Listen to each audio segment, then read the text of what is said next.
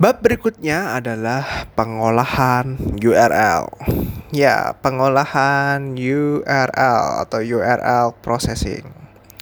Karena Laravel Mix dibangun di atas Webpack, penting untuk memahami beberapa konsep Webpack untuk mengkompilasi CSS. Untuk mengkompilasinya, Webpack akan menulis ulang dan mengoptimalkan metode URL atau fungsi URL apa pun dalam style sheet milik kita. Meskipun ini awalnya mungkin terdengar aneh, ini adalah fungsionalitas yang sangat powerful.